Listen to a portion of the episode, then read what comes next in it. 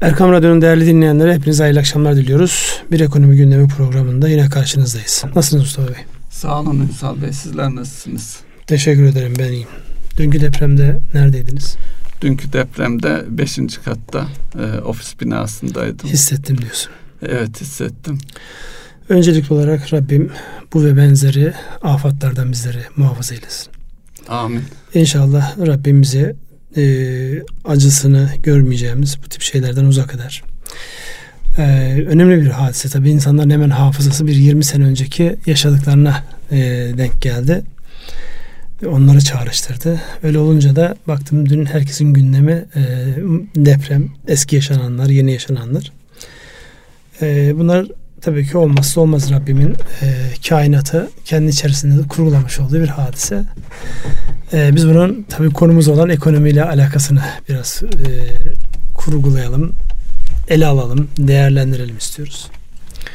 Evet, nasıl ele almak istersiniz? Risk kavramını tabii, nasıl ele almak istersiniz? 99 depremi daha büyük vahim bir e, hadiseydi. Şunu fark ettim. E, o günden bugüne bir kuşak, yeni bir kuşak gelmiş depremle. Çok fazla yüzleşmemiş. Onlar da yüzleşmiş oldu. Evet, ee, onların e, hafızasına da bir şeyler girdi diyorsunuz. Evet, onlar da e, tabii e, onlar için de bir korku, bir şey ama e, bakıldığında insanların e, deprem anında ve depremin hemen sonrasında işini gücünü bıraktı. Yani gündeminin hemen değişti ve insanların e, yakınlarına ulaşmaya çalıştığı bir şey oldu. Belki ekonomik açıdan bakıldığında e, bir deprem anında yani dünkü deprem belki e, yani hazırlık yapılması açısından önemli bir e, tecrübe oldu. İnsanların e, telefon sistemi, altyapı sistemimiz her şeyi e, yaşayan bireyler de kendi üstlerinden tabi sorumlular ayrı onlar mutlaka e, şehrin güvenliği açısından gözden geçireceklerdir. Ama kişiler bile bunu e, düşündü. Akşam eve gittiğim zaman kızım e, baba bizim deprem çantamız yok e, diye bir şeyle başladı. Nedir ne var içerisinde dikkatimi çeken sadece düdüktü. O zaman bir düdük al gerisini evden tedarik et dedim. Evet tabii e, kolay bir hadise değil. Yani dün şunu gördük. Özellikle ben de e, ofiste üçüncü kattaydım. Yani hissettiğim depremi yani beklemekten ya da e, durup bakmaktan başka bir şey yoktu. Fakat dışarıdan inanılmaz böyle çığlık sesleri, insanlar koşuşturuyorlar, bir tarafa doğru gidiyorlar ve birkaç dakika içerisinde trafik kilitlendi. Özellikle bu e, iletişim kanallarının tıkanmış olması, telefon sisteminin bir anlamda çökmüş olması e, ki dün akşam insanlar niye çöktüğünü izah etmeye çalışıyorlar. Kimse niye çöktüğünü dinlemez. Yani evet. o an kullandı mı kullanmadı mı enteresandır. İnter, internet üzerindeki iletişim hattı açık. Evet. Normal telefon e, kanalları kapalı ve herkesin gayri ihtiyarı önce can diyorsunuz. İşte çocuğunu merak ediyor, yaşlısını merak ediyor. Herkes bir taraflara doğru koşturuyor ve orada şunu görüyorsunuz e, işte özellikle bu e, stratejik düşünmede, risk yönetiminde, senaryo çalışmalarının ne kadar önemli ve değerli olduğunu. Yani bunu işte e, bizde deprem ya da yangın tatbikatı yapılır. İnsanlar böyle eğlenerek, dalga geçerek e, onu uygulamaya çalışırlar. Onların ne kadar ciddiye alınması gerektiğinin de bir anlamda göstergesi. E, daha önceki depremleri yaşamış olan insanlar bile nasıl davranacakları konusunda zihinde hiçbir şey yok. Bilemediler evet. E, yani o bir realite. İnsanların birçoğunun yaralanması yani 50 47 kişi zannedersem daha sonra artmış olabilir.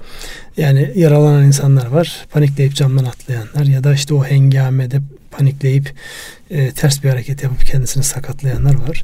Allah'tan e, e, hasarlı ya da can kaybına sebep olacak bir şey değildi. Ama bizim oturup bazı şeyleri tekrar ele almamız, gözden geçirmemiz noktasında hep bunu konuşuyoruz da arkası gelmiyor. Ekonomik anlamda baktığımızda çok önemli bir hadise. İstanbul Türkiye ekonomisinin çok önemli bir noktası. Dolayısıyla burada e, insanların yani öyle bir şey olması halinde Allah büyüğünden e, beterinden muhafaza etsin.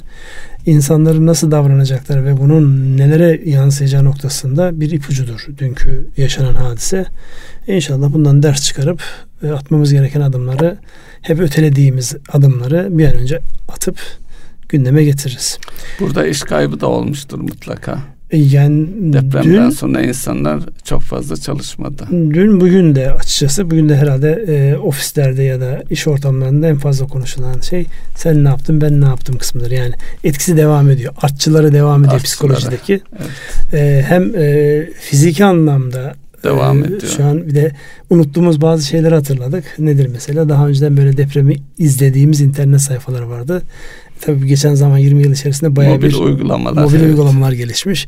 Herkes telefonlarını onu indiriyor. İşte biliyor musun işte 5.8'den sonra 25 tane daha olmuş. En son şurada olmuş, şu olmuş. Herkes şu an tekrar uzmanlık alanı olan depreme döndü. Bize e, finans anlamında, ekonomi anlamında bakalım. Yani bu bir risk midir? Ekonomik anlamda bir e, kayıp mıdır? Ve bunun yansımaları nereye olur sorusunun cevabını bir girizgah olarak yapalım.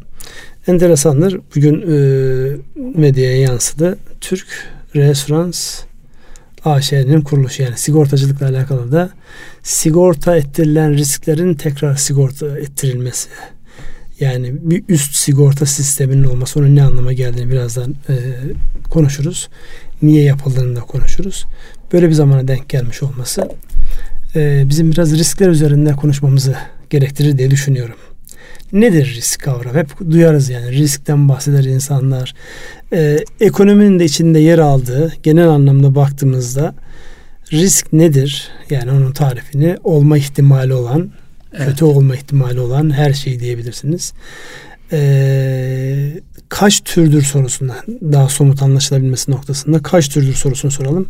Onda siz böyle e, iç kaynaklılar, dış kaynaklılar, kaçınılmaz olanlar falan diye buyurunuz. Evet, e, tabii riskleri e, şirketler, bireyler olarak da dikkate alabiliriz bir e, içsel içte olan riskler bir de dışta olan riskler olarak e, tasnif ediliyor.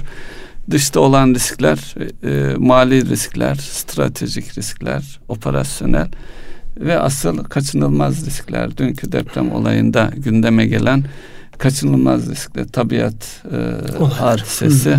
Dolayısıyla bunu e, zamanını bilmiyorsunuz, büyüklüğünü bilmiyorsunuz, etkisini bilmiyorsunuz ama olduğu zaman e, sizi e, hayatınızı da birey olarak hayatınızı da etkileyebildiği gibi her şeyinizi şey, sahip olduğunuz değerleri maddi manevi hepsini etkileyen e, bir e, risk olarak kaçınılmaz risk adı altında hı hı. tasnif ediliyor. Diğerlerinden de bahseder misiniz? Mesela kaçınılmaz riskler derken e, tabii olaylardan bahsettiniz. Başka ne var orada? Burada e, kaçınılmaz olaylarda tedarikçiler şirket açısından bakarsak dışarıda olan e, yapılan sözleşmeler, e, işte ortam, e, uygulama. Bağlısınız ona, hareket tabii, etme tabii, şansınız e, yok. Alınan kararlar, yasal düzenlemeler, Bunların hepsi kaçınılmaz risk olarak yani sizin kontrol alanınızın dışında olan iradenizle etkileyemediğiniz alanlardaki riskler olarak e, söyleyebiliriz. Bir de stratejik risklerden bahsettiniz. Onlar nedir? E, stratejik risk asıl e, yani e, birincisi rekabet yani yalnız değiliz. E, birey olarak da yalnız değiliz. E, şirketlerimiz de yalnız değil. Bir rekabet e, ortamı var e, müşterilerden kaynaklananlar var, sanayiden kaynaklananlar var. E, sektörün sektörün kendi şeylerinden kaynaklanan var. Özellikle e, son dönemde mesela sanayiden yıkıcı teknolojiler e, diye tabir ediliyor. Bir teknoloji çıkıyor, e, olabilen her şeyi e, değiştiriyor. Mesela şu anki e, şeyde şirketlerin yoğun olarak gündemlerinde dijital dönüşüm adı altında bu neyi ifade ediyor? Hem iş modelinin kendisini, iş yapış biçimleri, müşteri lojistiği, müşteriye erişim, tedarikçiye erişim hepsi birbiriyle e, entegre olacak şekilde hızlıca gelişiyor. Burada hızlı hareket edenler e, ciddi bir şekilde e, rekabette avantajlı hale geliyor. Ayak uyduramayanlar da pazarını, piyasasını kaybediyor.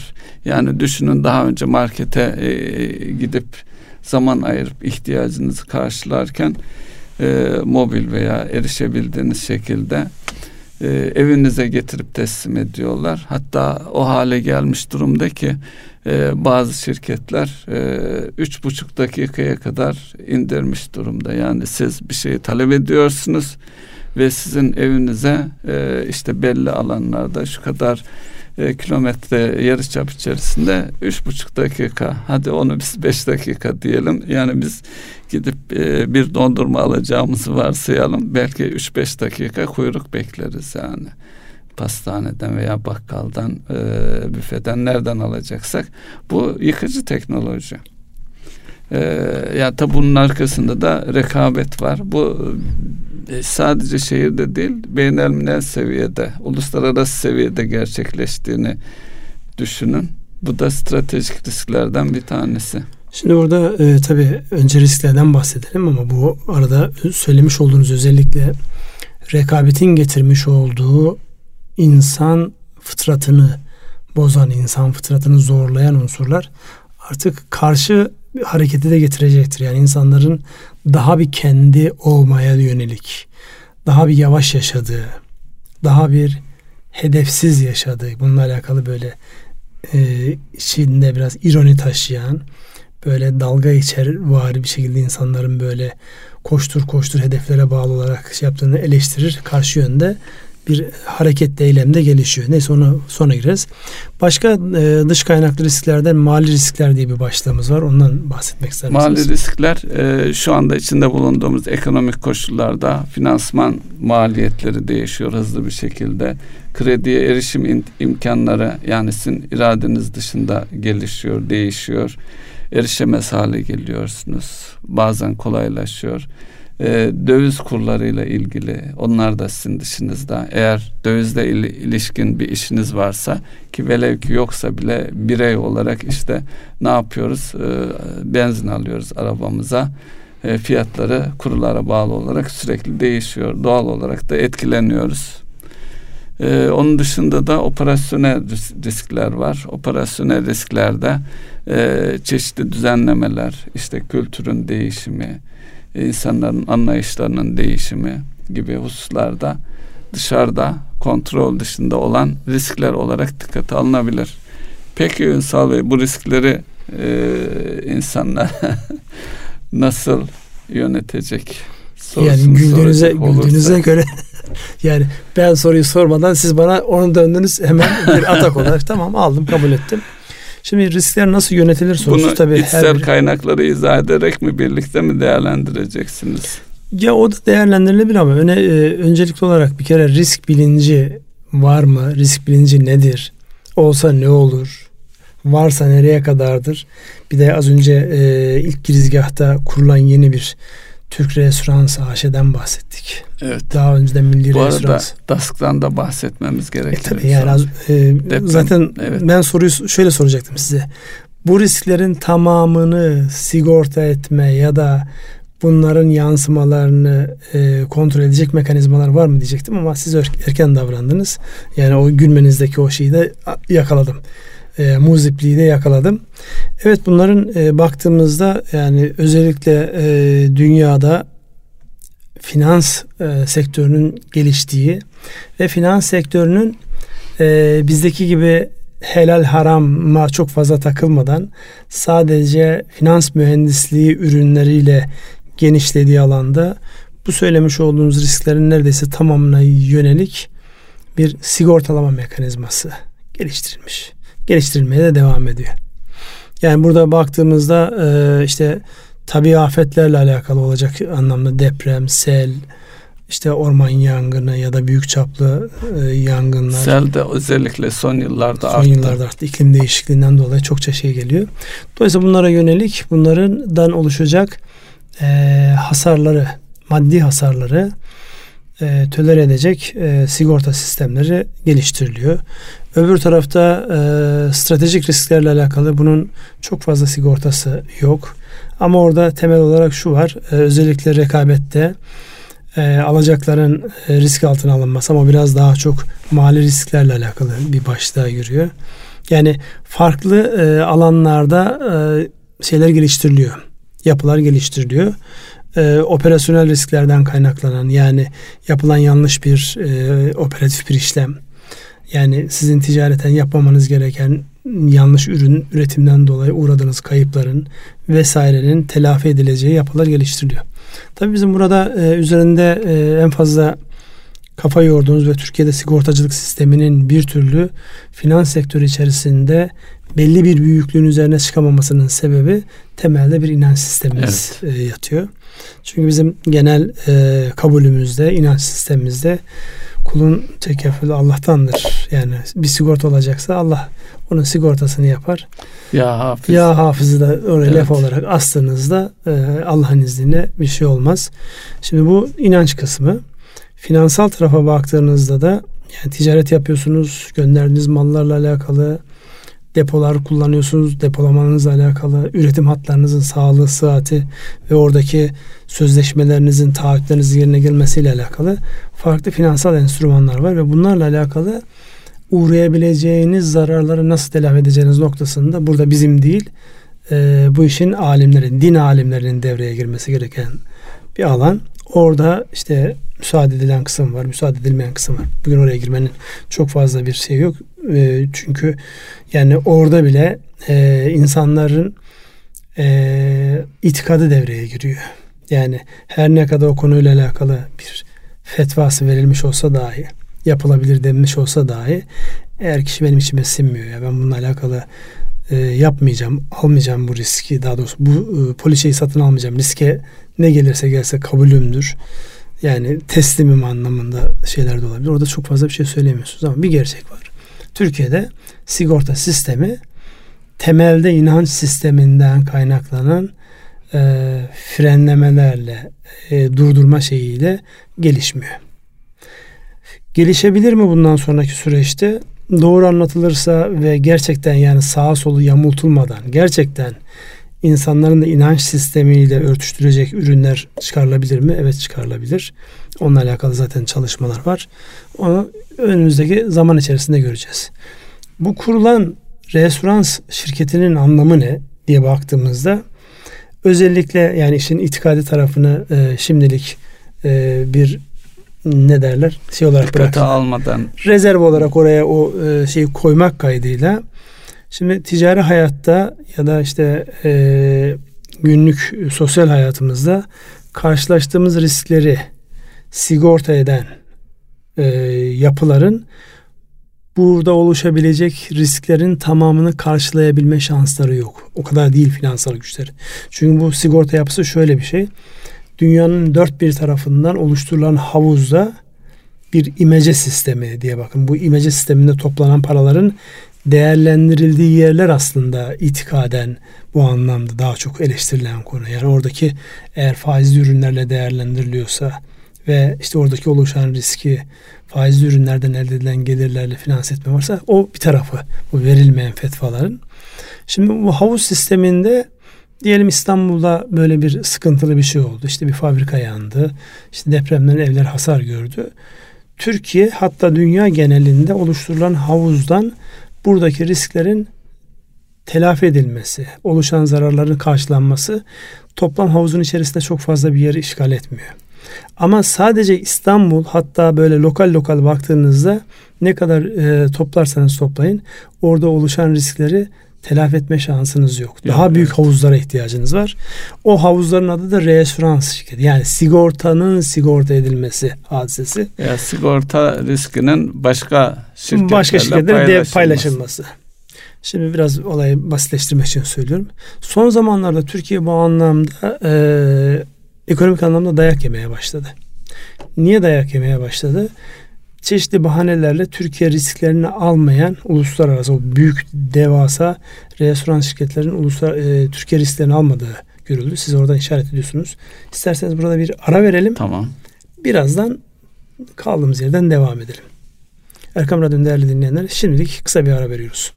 Şimdi az önce kaldığımız yerden e, devam edecek olursak uluslararası e, büyük restoran şirketlerin Türkiye riskleri almada seçici davrandığı ya da almadığı gibi bir e, problemle karşı karşıyayız. Özellikle bunu nerede hissediyoruz? Ticari hayatta hissediyoruz. Eskiden içeriden ya da dışarıdan yani ihracat yaptığınız bir ülkeye oradan alacağınızı bu uluslararası e, sigorta şirketleri, restoran şirketleri e, sigorta ediyordu. Yani ola ki sen Afrika'nın X ülkesinden alacağını tahsil edemezsen ben onu e, oradan tahsil etme noktasında bir garantörlük yapıyorum. Burada tekrar altını çiziyoruz. İtikat kısmı ayrı yani. Bizim burada itikadi konulara tartışmak evet. gibi bir yetkinliğimiz yok. Ee, ya da sizin kendi e, ülkenizdeki Exim Bank yapmış olduğunuz ihracatın e, dan olan alacağınızı sigorta edebilir. Ya da ülke içerisindeki ticaretinizle alakalı. Bunun hem içeridekiler ve dışarıdaki restoran şirketleri, işte Exim Banklar bu yapıda e, bir sigorta mekanizması kuruyor. Şu son dönemde bununla alakalı sıkıntı çekmeye başladı. Yani herkes kendini garanti altına almak için teminat mektubu istiyor. Şimdi teminat mektubu ayrı bir risk. Kredi riski. E, böyle daralan e, zamanlarda kredi riski konusunda bankalar çok rahat değil. Niye? Teminatlar yerle bir. Yani teminat mektubu verecek ama onun karşılığında isteyeceği teminat firma tedarik evet. edemiyor. Dolayısıyla e, bir ihtiyaç vardı. Yani Türkiye'deki bu büyük havuzu oluşturup bu büyük havuz içerisinde e, şeyi karşılayacak, oluşabilecek hasarları karşılayabilecek bir yapıya ihtiyaç vardı. Tamamı sermayesinin tamamı hazine e, Türkiye Cumhuriyeti hazinesine ait bir yeni anonim şirket kuruldu. Bugün de zaten anons yapıldı. İzleyeceğiz. Fayda olur diye umut ediyoruz. Buna ihtiyaç vardı çünkü. Ünsal Bey aklıma e, bir husus geldi. Biliyorsunuz bu teminat mektubu e, mevzusuyla ilgili yine e, özellikle gayrimenkul geliştirme konut sektöründe bu tüketici hakları yasası gereği e, biliyorsunuz bankanın e, gayrimenkul şirketiyle birlikte müteselsil kefil hüviyeti vardı. Buna alternatif olarak da e, gayrimenkul geliştiren kişilerin özellikle sat yap projelerde sigorta ettirebileceğine ilişkin hükümlerde ortaya konulmuştu yasal olarak. Ama e, hiçbir sigorta şirketi geçtiğimiz dönemde bunu sigorta etmedi. Bu reasürans e, şirketiyle birlikte bunlara da fırsat doğabilir mi? Çünkü bunu sigorta edecek şirket dönüp ben bunu e, bu riski başka reasürerlerle paylaşabiliyorsam ancak alırım diye yaklaşıyor. Orada kimseyi göremezse doğal olarak da istememe sebeplerinden bir tanesi sanıyorum buydu. Şimdi birçok şey var. Yani Türkiye'de özellikle dünyanın bir parçası haline geldiğinizde sadece gözünüzün gördüğü risklerle e, karşı karşıya değilsiniz. Görmediğiniz, sizin hayal etmediğiniz bambaşka coğrafyalarda olan risklerle de karşı karşıyasınız. Özellikle az önce söylemiş olduğunuz o yıkıcı teknolojiler, yıkıcı rekabet yani bir anda sizde bir sektörü yerle bir edebilir. O sektörün başka bir şeye dönüşmesine bile fırsat olmadan orada çalışan binlerce işletme, yüz binlerce insan bir anda işsiz kalabilir. Yani geçmişte şey hatırlayın Amerika dünyanın en büyük otomotiv üreticisiyken evet. dünyanın en büyük otomotiv pazarına dönüşmesi ve hala daha geri dönüş sağlayabilmiş değildir. Dolayısıyla bu tip e, zamanlarda o işletmelerin ve insanların uğradığı zararı telafi edecek başka şeylere ihtiyaç var. Bir zaman kazandıracak, orada oluşan zararları telafi edecek yapılara ihtiyaç var.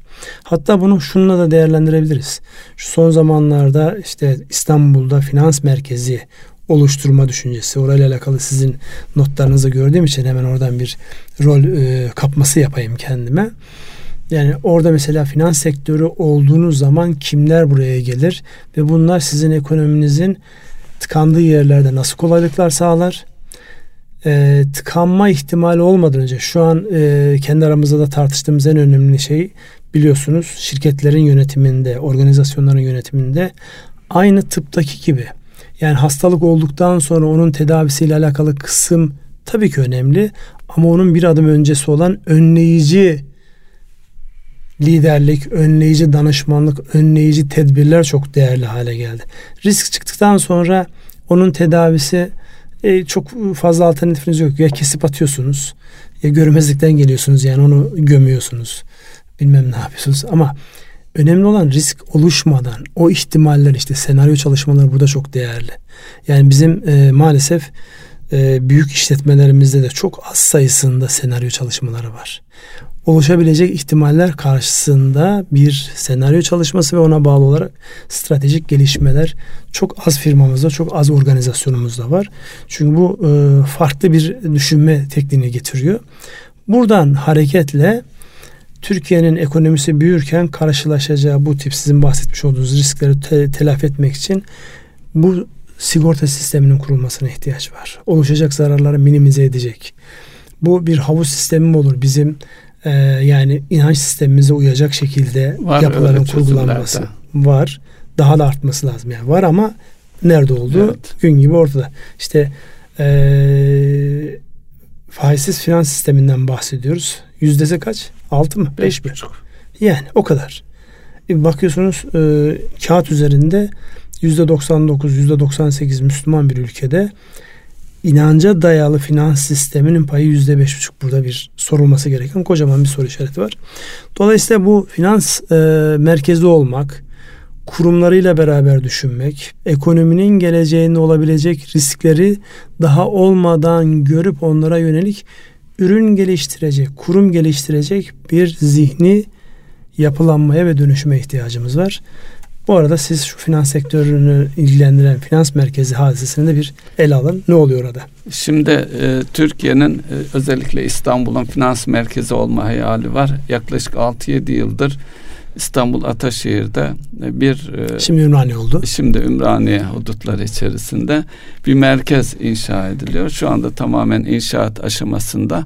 E, ancak zaman uzadı e, süre olarak. Tabi burada başka yatırımcılar falan da vardı. İnşaatın bir an evvel hızlanması ve orada faaliyetlerin başlaması için varlık fonu devreye girip e, tek elde topladı. Dolayısıyla neyi hedefliyor e, otorite? E, burada hızlı bir şekilde bu e, finans merkezinin de efektif bir şekilde yönetilmesi hedefleniyor. Tabii finans merkezi sadece binaların kurulmasıyla yetmiyor. E, asıl ihtiyaç olan şey insan kaynağı. İnsan kaynağı açısından da bankacılık sektörü ülkemizde oldukça güçlü, e, yeterince insan kaynağımız olduğunu ifade edebiliriz. Altyapı noktasında da sıkıntı yok ama burada asıl e, ihtiyaç olan e, yasal vergi, e, yasal uygulamalar, vergi uygulamaları ve hukuki uygulamalar. Yani e, bir problem çıktığında insanlar mahkemelerde veya tahkim sürecinde hızlı bir şekilde çünkü finans e, söz konusu olduğunda e, bu e, paranın anlık e, veya zaman değeri çok önem arz ediyor. Dolayısıyla kararların istenen sonuçların alınabilmesi için en elzem hususlardan bir tanesi bu. Cumhurbaşkanlığı bünyesinde e, böyle bir ofis kurulmuş. E, dolayısıyla o da işi kolaylaştıran bir şey. Türkiye'de son dönemde 6 sıra yükselmişiz. Finans merkezleri 50, 50 küsürüncü sıralardayız. Ee, ama uz, e, uzun bir e, liste var. Mesela son dönemde bu Brexit mevzusuyla Frankfurt falan konuşuyorduk. Onlar ilk 10 içerisinde bile değil. Yani Londra, New York, işte Şanghay, Hong Kong gibi büyük Çin büyük merkezler hala finans konusunda e, öndeler. Yani daha gidecek çok yol var. Siz neler eklemek istersiniz Ünsal ya Şimdi burada Nasıl bakıyorsunuz? Parmak bastığınız nokta önemli bir hadise. Yani e, binayı yaptınız, teknolojik altyapıyı kurdunuz. Orada çalışacak olan insanların mevcudiyeti ya da onların istihdamı ile alakalı kolaylıklar sağladınız. Tamam. Bizim en önemli problemimiz mevzuatla alakalı. Yani normal ticari hayatımızda da öyle.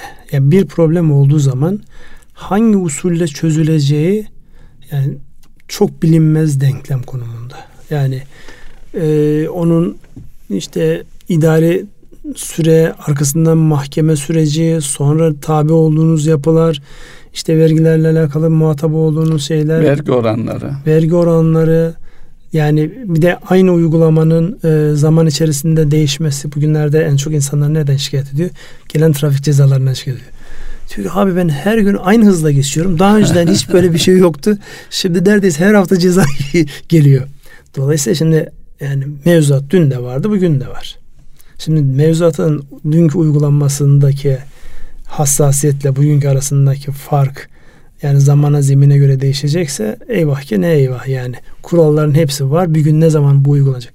Onun için basitleştirilmesi, herkesin anlayabileceği bir dille yazılması ve uygulanması gönlün arzuladığı en önemli hadise.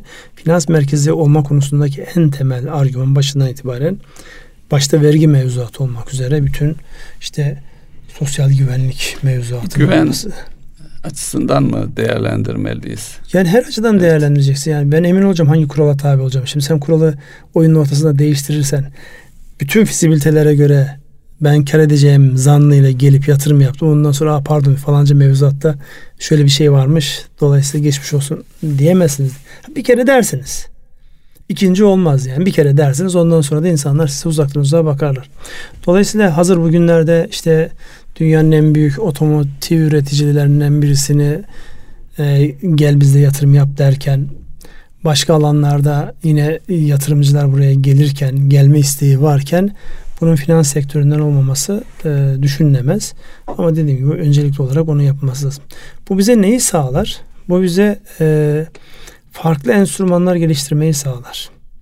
Bir kere e, finans merkezi olduğunuzda yani kendinizi diri ve dinamik tutmanız icap eden bir sürece giriyorsunuz. Yani bir kere yaptım oldu olmuyor çünkü rakipleriniz sürekli sizi tekmelemeye devam edecekler.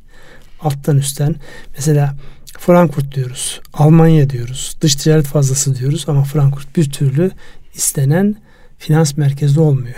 Çünkü o öyle ben istedim oldu denecek hadise yok. Bir ara Kazakistan çalışıyordu hatırlayın. Evet. Bir ara Moskova çalışıyordu. Bir ara Dubai çalışıyordu kendisini dünyanın önemli finans Dubai bayağı bir ilerledi. İlerledi. Onun ilerleme gerekçesi belli yani. Özellikle stratejik anlamda Birleşik Arap Emirlikleri'ne yüklenen anlam var yani. O coğrafyanın şekillenmesinde önemli bir ülke. Dolayısıyla orada finans sektörünün e, büyük olması, cazip olması yapılacak operasyonların da kolaylaştırıyor şimdi. Evet. Başka bir alana girmiş olmayalım. O için bu konu önemli. Yani Cumhurbaşkanlığı seviyesinde konuya el atılması, yarım giden ya da aksak giden altyapının hızlandırılarak olması önemli. Ama bir önemli konuda dediğim gibi mevzuatla alakalı yapılacak olan düzenlemeler o da geldiğinde işte kurulan bu yeni sigorta şirketleri, yeni e, katılım bankaları, yeni gelecek olan kurumlar, uluslararası sermaye ile beraber. Mesela son dönemde sizinden en çok ne duyuyoruz? Çok sayıda yabancı grup Türkiye'de yatırım bankacılığı kurmak istiyor. Ama olmuyor. Niye olmuyor? Mevzuatla alakalı ya da yani sürecin e, yürümesiyle alakalı artı Türkiye'de yatırım bankacılığı ile alakalı. Bir taraftan da yerli yatırım bankacılığı kurma konusunda haberler okuyoruz. Evet. E işte daha önceden bankacılık sektöründe olan medya kökenli bir grubun tekrar yatırım bankacılığına döndüğü, aracı kurum olan bir grubun yatırım bankacılığına döndüğü. Çünkü buna ihtiyaç da var. Niye ihtiyaç var? Firmalar e, sadece finansal konularda desteğe ihtiyaç duymuyor. Bir anlamda danışmanlık, işleri nasıl yapacakları ile alakalı uçtan uca çözümlerin olduğu yapılara da ihtiyaç var. İçin bu derin bir konu. Biz finans merkezi ile alakalı atılan son dönemde atılan adımların olumlu etki yapacağını e, en çok da o bölgede e, büyük hayallerle kurulmuş inşaat projelerini ciddi bir hareketlendirme getireceğini burada o bölgede yatırım yapan arkadaşların da yani evet. yüzünü güleceğini tahmin edebiliyoruz. Evet. Şimdi e, geçtiğimiz hafta e, malumunuz e, piyasalar oldukça dalgalı bir seyir izledi. Özellikle Amerika'da yapılan toplantı, Birleşmiş Milletler'deki yapılan toplantı, Türkiye'nin oradaki sergileyeceği durum, işte İran nasıl karşılanacak, Amerika ile Çin ne yapacaklar e, de, denirken piyasalar oldukça hareketli geçti. Bu arada Trump'ın azledilmesiyle alakalı bir başlık açıldı. Ee, geçen hafta bom, e, şey yapan ne derler dronlarla saldırıya uğrayan Suud petrol rafineri ve depolama tesislerinden kaynaklanan petrol fiyatlarındaki inişler çıkışlar derken oldukça hareketli bir şey geldik. Türk lirası dolar da gene 5.70'in altına indi. Ne diyorsunuz? Ne oluyor buralarda? Şimdi e, ne oluyor derken e, özellikle Amerika'daki olan her şey tüm dünyayı etkiliyor. E, bu şey konusu Çin'le ticaret savaşları konusunda sürekli karşılıklı açıklamalar var. En sonda Amerika Başkanı'nın e, Çin'le anlaşmanın beklediğimizden çabuk olabileceği gibi bir açıklaması oldu. Bu piyasaları olumlu yönde etkilendi ama bu arada da hiç e, olmadık bir şekilde e, Trump'ın azliyle ilgili bir süreç başlatıldı. O Şu da Wall Street'te en fazla konuşulan mevzu buymuş. Evet yani e, en güçlü dünyanın en güçlü adamının azledilebileceği fikri bile e, enteresan yani etkileri ya var. Para ve sermaye piyasalarıyla uğraşan insanlara haber lazım. Bunlar güzel magazinsel işlenecek haberler yani. Çok ekmek çıkar buradan. Evet çıkıyor da zaten. İndir Şeyde. bindir yapara çok evet. ekmek çıkar buradan. Yine e, dünya ile ilgili konu bizi de etkileyen tarafıyla ilgili İngiltere'de Brexit konuşuyorduk ama orada bir e, turizm e, ajantası e, iflas etti. Thomas Cook. Evet bize de e, birkaç yüz milyon poundluk bir e, maliyetinin olabileceği söyleniyor. İşte basına yansıdı. O şirketin Türkiye'ye gönderdiği e, turistleri e, devlet desteğiyle birlikte tekrar ülkelerine döndürüldüklerini gördük. E, bu konuyla ilgili ki bu şirkette 150 yıllık 150 yılı aşan bir ömrü var. Belki burada ilk başta söylediğimiz yıkıcı teknolojiler konusunu e, bununla da özdeş, özdeşleştirilebilir. Çünkü bu da hala e, ofislerle çalışma yürüten bir şirketmiş. Bu konuyla ilgili ne dersiniz Ünsal Bey?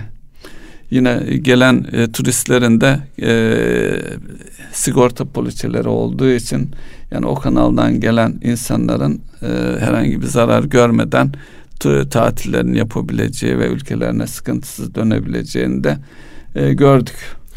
Ya onun bir şekilde çözüleceğini görüyorum. Burada zaten şuna baktığımızda mesela aynı şirketin e, İngiltere dışında başta Almanya olmak üzere farklı Almanya'da ülkelerde da bağlantılı bir şirket iflas etmiş. Farklı ülkelerdeki faaliyetlerin bir kısmı devam ediyor, bir kısmı iflasına karar veriliyor. Yani bu farklı bir gelişme. Burada aslında e, bizim burada sürekli gündeme getirdiğimiz bir hadise var. Yani bir firmanın 180 yıllık olması tek başına onun ayakta kalması ile alakalı bir gerekçe olamaz. Yetmiyor. Yetmiyor tabii ki. Yani çok şey değişiyor. Değişirken ona adapte olabilme noktasında zihnin açık olması. Yani e, biraz burada e, patronlar dünyasına bir e, laf atmış olacağız. E, kimse alınganlık göstermesin. Biz de iş sahibiyiz. Aynı şey bizim için de geçerli. E, değişimleri en az öğrenme süreciyle izleyen e, kesim oluyor iş sahipleri. Çünkü günlük operasyonlara uğraşmaktan makro olaya büyük resme bakmak ve kendisinin bir stratejist olarak nerede kendi yeteneklerini geliştirmesi noktasında genellikle insanlar biraz ketum davranıyorlar. İşlerin iyi gitmesi hep öyle olacağı zannını getiriyor olabilir. E işin içerisinde bir de profesyonel dahil ettiğiniz o da e, kısa vadeli yani sprinter mantığıyla. Lantern nasıl kapanacak? Primim ne olacak? Sprinter mantığıyla kısa mesafede 100 metrede rekor kırma e, yaparken yani şimdi şöyle bir bakın 100 metre koşucularıyla e, e, maraton koşanların fiziki yapılarına bir bakın. 100 metre koşucuların tamamı böyle 1.85 1.90 boyunda inanılmaz atletik tipler. Maraton koşanlarda böyle e, bir çalı gibi kemikleri sayılacak kadar zayıf, çelimsiz ufak tefek tipler. Hangisi daha çok dayanıyor? Maraton koşanlar dayanıyor. Dolayısıyla buraya baktığımızda yani fiziki görüntü kısa e, süreli hedeflerin gerçekleştirilmesiyle uzun süreli atakların yapılmasının örtüşmesi gerekiyor. Yani buradaki iş sahiplerinin yani kısa vadeli hedefleri gerçekleştirerek e, yakaladıkları parlak küçük zaferlere çok fazla takılmıyor olmaları icap eder. Yani burada da böyle. Yani 180 yıllık şirketi nasıl olur dedirtti hepimize. Ben bunun bir şekilde telafi edeceğini düşünüyorum. Yani bizim turizm sektörü bundan birkaç sene önce, yani iki yıldır gayet iyi. Ondan önce ne oldu? Bütün oteller satılıktı. Evet. Bütün şeyler, acentalar yerlerde sürünüyordu. E şimdi bakıyorsunuz otellerde yer yok. Herkesin keyfi gayet iyi. Telafi edilir. Boşluk doldurulur. Önemli olan Türkiye açısından şu değişen ihtiyaçları karşılayan ülke olmak bu konuda turizm sektörü açısından söylüyorum. Yani dünya ne tarafa doğru evriliyor? Siz o evrilmeyi sadece kumla, denizle mi hala yönetmeye kalkıyorsunuz yoksa onun içerisine farklı bakış açıları katarak mı yönetiyorsunuz? İşte e, gelirken gördünüz yani Çamlıca Tepesi'ne doğru muhtemelen Japon turistler geliyor. Niye gelir Çamlıca Tepesi'ne doğru? İhtimaldir ki şunu e, merak etmiş olabilir. Cumhurbaşkanı bu ülkenin cumhurbaşkanı nerede yaşıyor? İhtimaldir yani. Olabilir. Yani bizim, Neticede Beyaz Saray'a ziyaretçi kabul ediyorlardı bu yani, 11 Eylül saldırısına kadar. Ziyaretçini evet. boş verin. Oraya gidip de onun önünde fotoğraf çektirmeye kaç adam var yani? Ya da işte e, İngiltere'ye gidip de 10 e, numaradan önünde e, fotoğraf çektirmeyen kaç kişi var? Dolayısıyla bunlar önemli unsurlar. Bunlar nasıl değerlendireceğinizle alakalı bir hadise.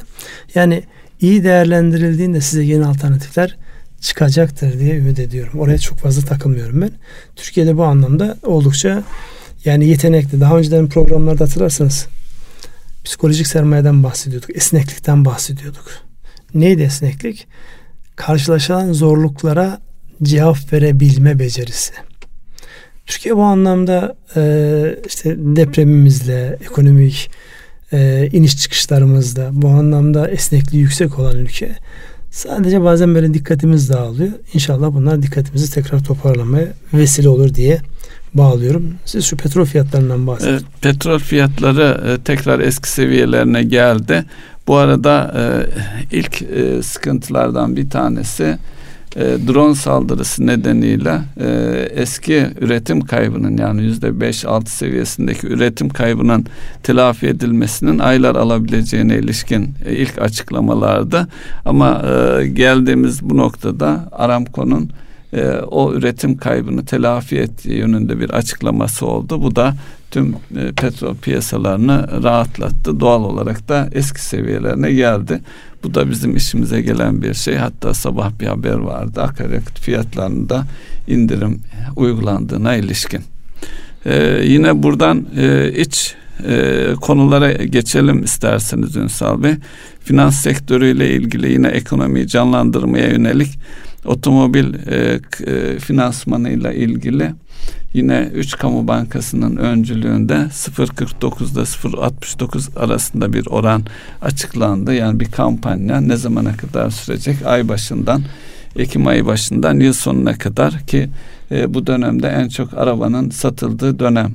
E, ve bu bilinçli bir şekilde sadece e, kendi ülkemizde üretilen e, araçları kapsıyor Dolayısıyla son e, dönemde de otomobil satışları değerlendirilirse 1 milyon seviyelerine ulaşmışken bu 400 e, binlere kadar gerilemiş bir e, satış seviyesi var. Hatta son ilk 8 ayı dikkate alırsak yüzde 44 civarında otomobil satışlarında bir azalma olmuş bir önceki yıla göre yaklaşık 193 bin civarında bir otomobil satılmış birinci elde tica, hafif ticarileri de dikkate alırsak oradaki gerileme yüzde 51-52 seviyelerinde orada da 46 bin yani hafif e, adet satışı olmuş tabi hafif e, ticari araçlara bakarken ekonominin içindeki durumuyla ilgili de ciddi bir mesaj verdiğini e, söyleyebiliriz. E, siz bu konuda e, yeterli olur mu? Ne kadar canlanma olur? Çünkü e, daha önce özel e, tüketim ve KDV ile ilgili bir kampanya olmuştu. Ama ondan çok istenen seviyede bir şey e, elde edilemedi. Şimdi buraya bakarken şöyle düşünüyorum. Yani bu karar ya da bu adım atılmadan önceki atmosfer neydi? Şu anki atmosfer ne? Karar açıklandığı andan itibaren hiç ummadığım insanlardan otomotiv sektörüne yönelik, otomobil almaya yönelik arabayı değiştireyim ya da araba alayım diye yani yüksek sesle düşünmeyi duyunca evet bu olumlu bir adım. Ama dediğim gibi hiç yani gündeminde arabayla alakalı bir mesele olmayan insanlar bir şirkette çalışıyor. Orada e, önemli konumda şirket arabasını kullanıyor.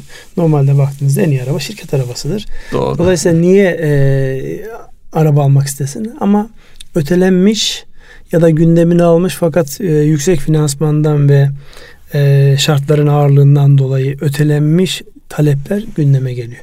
Dolayısıyla buradan baktığımda başka bir şeye gerek yok. Sadece buradan çevre analizi yaptığımda bu doğru bir adım. Arkası bunun hareketlenmesiyle beraber sadece bir ilave ihtiyaç var. Kamu bankaları yetmez. Özel sektör bankalarının destek vermesi lazım. Çünkü burada sınırlı bir e, paket yapılacaktır. Netice itibariyle bu e, diğer faaliyetlerle sübvanse edilmesi gereken bir e, hareket. Bir de katılım bankaları yok bu işin içerisinde. Yani evet. şimdi benim itikaden eğer uymuyorsa Finansman bana, modeli olarak uymuyorsa evet. almayacağım. Hiç gündemime bile almayacağım. Dolayısıyla burada üç kamu bankasına ilave katılım bankaları kamu ya da özel devam olabilir. Sadece kamu bankaları yetmez. Özel sektör bankalarının da belli bir havuz sistemiyle. Yani olaya şöyle bakmak lazım. Evet kaynak maliyeti yüksek. Şu an devletin bile hala %14'ün üzerinde borçlandı. Yani baktığımızda gösterge oranlar onu gösteriyor. Öyle bir oranda şimdi söylemiş olduğunuz rakamlar onun altına geliyor. Onun altına 15 ile devletin borçlandı. Muhtemelen 16-17'lerle borçlandığı bir yapıda bankının. Niye gitsin 8 ile 9'da e, birilerine kaynak versin? Ama şu bir gerçek. Kurumsal anlamda bir sıkışmışlık da var. Bir tarafta bir hareketleme başka tarafa da olumlu etkileyecek. Yani ekonominin canlanması anlamında e, bir şeyler var. Ben siz az önce size konuşurken baktım mesela Amerika'da repo piyasası. Şimdi çok detay bir konu olduğu için repo piyasasında bir tıkanmışlık var. Al sat al sat al sat şişmiş artık orada. Yani e, Amerikan Merkez Bankası diyeceğimiz yapı Fed'in dönüp 500 milyar dolarlık bir e, tahvil alımı yapması lazım ki o piyasadaki geçmişteki yapılan işlemlerden dolayı sıkışıklık çözülsün ve çark dönmeye tekrar. başlasın. Dolayısıyla çarkı döndürmek için bu tip desteklere ihtiyaç var. Yani her adımda ben para kazanacağım, kazanmam lazım dediğinizde bu sefer daha büyük problemleri satın almış oluyorsunuz. Burada işte kamu, kamu otoritesi, özel, özel sektör bankaları ortak akılla belli havuzlar oluşturularak yapılabilir ki bugünlerde biliyorsunuz e, özellikle BDDK'nın zorlamasıyla e, yani banka bilançolarına yazılan enerji ve inşaat sektörüyle alakalı evet, zarar kalemleri zarar, evet. Şimdi o zarar kaleminin yani karşı kayılması gereken kalemin bir yerden fonlanması gerekiyor. Eğer bunları yapabilecek kurumsal yapılarda kurarsanız ki varlık yönetim şirketleri bunun için var. Yurt dışından kaynaklı. Yeni bir şirket kurulması gündemde. Var. Onları yaptığınızda tıkanmışlıklarınızı çözme şansınız oluyor ama yokmuş gibi davrandığınızda ya da problemi bir başkası çözsün diye davrandığınızda problem çözülmüyor. Gelip size de bir şekilde vuruyor. Ünsal ve piyasaların hareketlenmesi açısından e, Merkez Bankası'nın Ankara'da bir iş adamlarıyla ilgili bir e, toplantıda konuşması oldu. Bu da ciddi ses getirdi. Yani e, para politikasını e, yürüten kişilerle e, piyasadaki iş adamlarının bir arada e, olması, dertlerini, ihtiyaçlarını birebir paylaşmasının e, iyi bir şey olduğu kesin. E, bu konuda ne dersiniz? Bununla birlikte e, finansman maliyetleriyle ilgili bankaların mevduata verdikleri e, şeyler ve işte, döviz tevdiat hesaplarındaki gelişmeleri birlikte değerlendirirseniz ben isterseniz bilgi vereyim. Döviz tevdiat hesaplarıyla ilgili bu haftada gelişmeler e, var. Yine bir rekor var. 192 milyar 600 milyon dolar seviyesine geldi. 1.2 e, milyar dolarlık bir artış var. Bunun 900 milyonu yine bireylerden kaynaklandı. E, döviz tevdiat hesapları artmaya devam ediyor. Halbuki ihtiyacımız TL olarak e, dönüp bankaların e, mevduata verdikleri getiriye baktığımız zaman da yüzde yedi sekiz seviyelerine inmiş durumda tek haneli. Şimdi insanlar bu oranlara itibar etmeyip yani TL'nin cazip hale getirilmesiyle ilgili bir problem mi e, döviz tevdiat hesaplarındaki artışı tetikliyor? Şimdi ondan önce Merkez Bankası Başkanı'nın açıklamasının olumlu karşılamasını bir değerlendirin. Sonra buraya gelelim. Ee, Neyi olumlu karşılandı? E, bir kere doğrudan iletişim. İletişim önemli. İletişim her yerde önemli yani. Birincisi şey e, doğrudan iletişim. Ve bu arada gelecekle ilgili ne olacağına ilişkin ipuçları da verdi. Yani önceki faiz indirimini önden önden yüklemeli tabiriyle kullandı. Bundan sonra da işte makul e, po, e, makul reel faizle yani bundan sonra öyle e, çok fazla indirim olmayıp e, enflasyondaki gelişmelere bağlı olarak bir e, indirim sürecinin devam edeceğini söyledi. Tabii bunlar da insanların geleceğe yönelik e, karşılaşacakları finansman maliyetiyle ilgili tatmin olabilecekleri bir ipucu verdi diye ifade edebiliriz. Yani önemli bir şey söylüyorsunuz. Orada yani doğrudan iletişim ve insanların gelecekle alakalı planlarının etkilenmesi hadisesi. Yani zaten aslında sorunuzun cevabı kendi içerisinde. Yani şu an insanlar hala daha döviz üzerinden tasarruf etmeye çalışıyorlarsa, tasarruflarını dövize çevirerek e, arttırmaya devam ediyorlarsa bunun tek bir tane açıklaması var. İnsanlar gelecekte e, Türk lirası ile alakalı zihinleri net değil. Neyle netleşir? Doğrudan iletişimle netleşir. Yani reel sektöre yönelik, reel sektörde belli bir büyüklüğün üzerindeki firmalarla ve oradaki oluşulacak havayı insanlar birbirlerinden çok çabuk etkilenirler. Herkes birbirine soruyor. Bize sormuyorlar mı? Ne düşünüyorsunuz şu konuda? Biz de birilerine soruyoruz. Dolayısıyla o genel nabzı tuttuğunda ya benim artık Türk Lası ile alakalı daha pozitif olduğumuz bir döneme geçiyoruz şeklindeki bir yorumu duyduğumda alacağım tavırla, uygulayacağım stratejiyle ya belirsizlik devam ediyor. Hala biraz daha bekleyelim arasındaki tavır bambaşka olacaktır. Onun için öncelikli olarak Merkez Bankası'nın daha yoğun iletişime geçerek attığı adımların işte bir ara rezervimiz vardı yoktu işte e, biraz daha yüklenirlerse bizde hiçbir şey kalmayacak ciddi bir işte dövizde artışlar olacak falan şeklindeki hadiseleri nasıl engellediklerini nasıl kontrol altına aldıkları bunlarla alakalı daha net iletişime geçtiklerinde inanıyorum ki insanlar kendi e, milli paramıza olan ilgiyi daha da arttıracaklar. Ya ben kendi adıma söyleyeyim dövizde benim hiçbir işim yok. Yani ticaret anlamında da hiçbir işim yok. Tasarruf anlamında da hiçbir işim yok. Hiç bu şeylerde beni cezbetmiyor. Yani ne olacakmış diye. Niye? E, zihnimde kendi kendime bir koymuş olduğum bir e, isimlendirme var. Barem var. Bu şekilde devam ediyor. Dolayısıyla bunun bir daha geniş kitlelere yaymak icap eder. Yani şu an dövizle alakalı ne beklenti var ki insanlar her hafta 1 milyar, 1,5 milyar dolar gibi rakamları dövize dönerek devam ettiriyorlar. Onun için iletişim diyorum ben. Cevabı evet. orada. Evet siz ikide bir saati gösteriyorsunuz. Tamam anladım. Mesaj net. Herhalde bitti. Evet. Erkam Radyo'nun değerli dinleyenleri bir ekonomi gündemi programının daha sonuna geldik. Sürçü lisan eylediysek affola. Dilimizin döndüğünce e, başta dün yaşamış olduğumuz depremden hareketler, risk risk bilinci ve onların nasıl töler edileceği ile alakalı bir ekonomist, bir finansçı bakış açısıyla yani olaya dini ya da itikad açıdan bakmaksızın bir çözüm ya da e, bakış açısı getirmeye çalıştık. Ve diğer konulara günceldeki gündemdeki diğer konulara değinmeye çalıştık. Hepinize hayırlı akşamlar diliyoruz. Hayırlı akşamlar.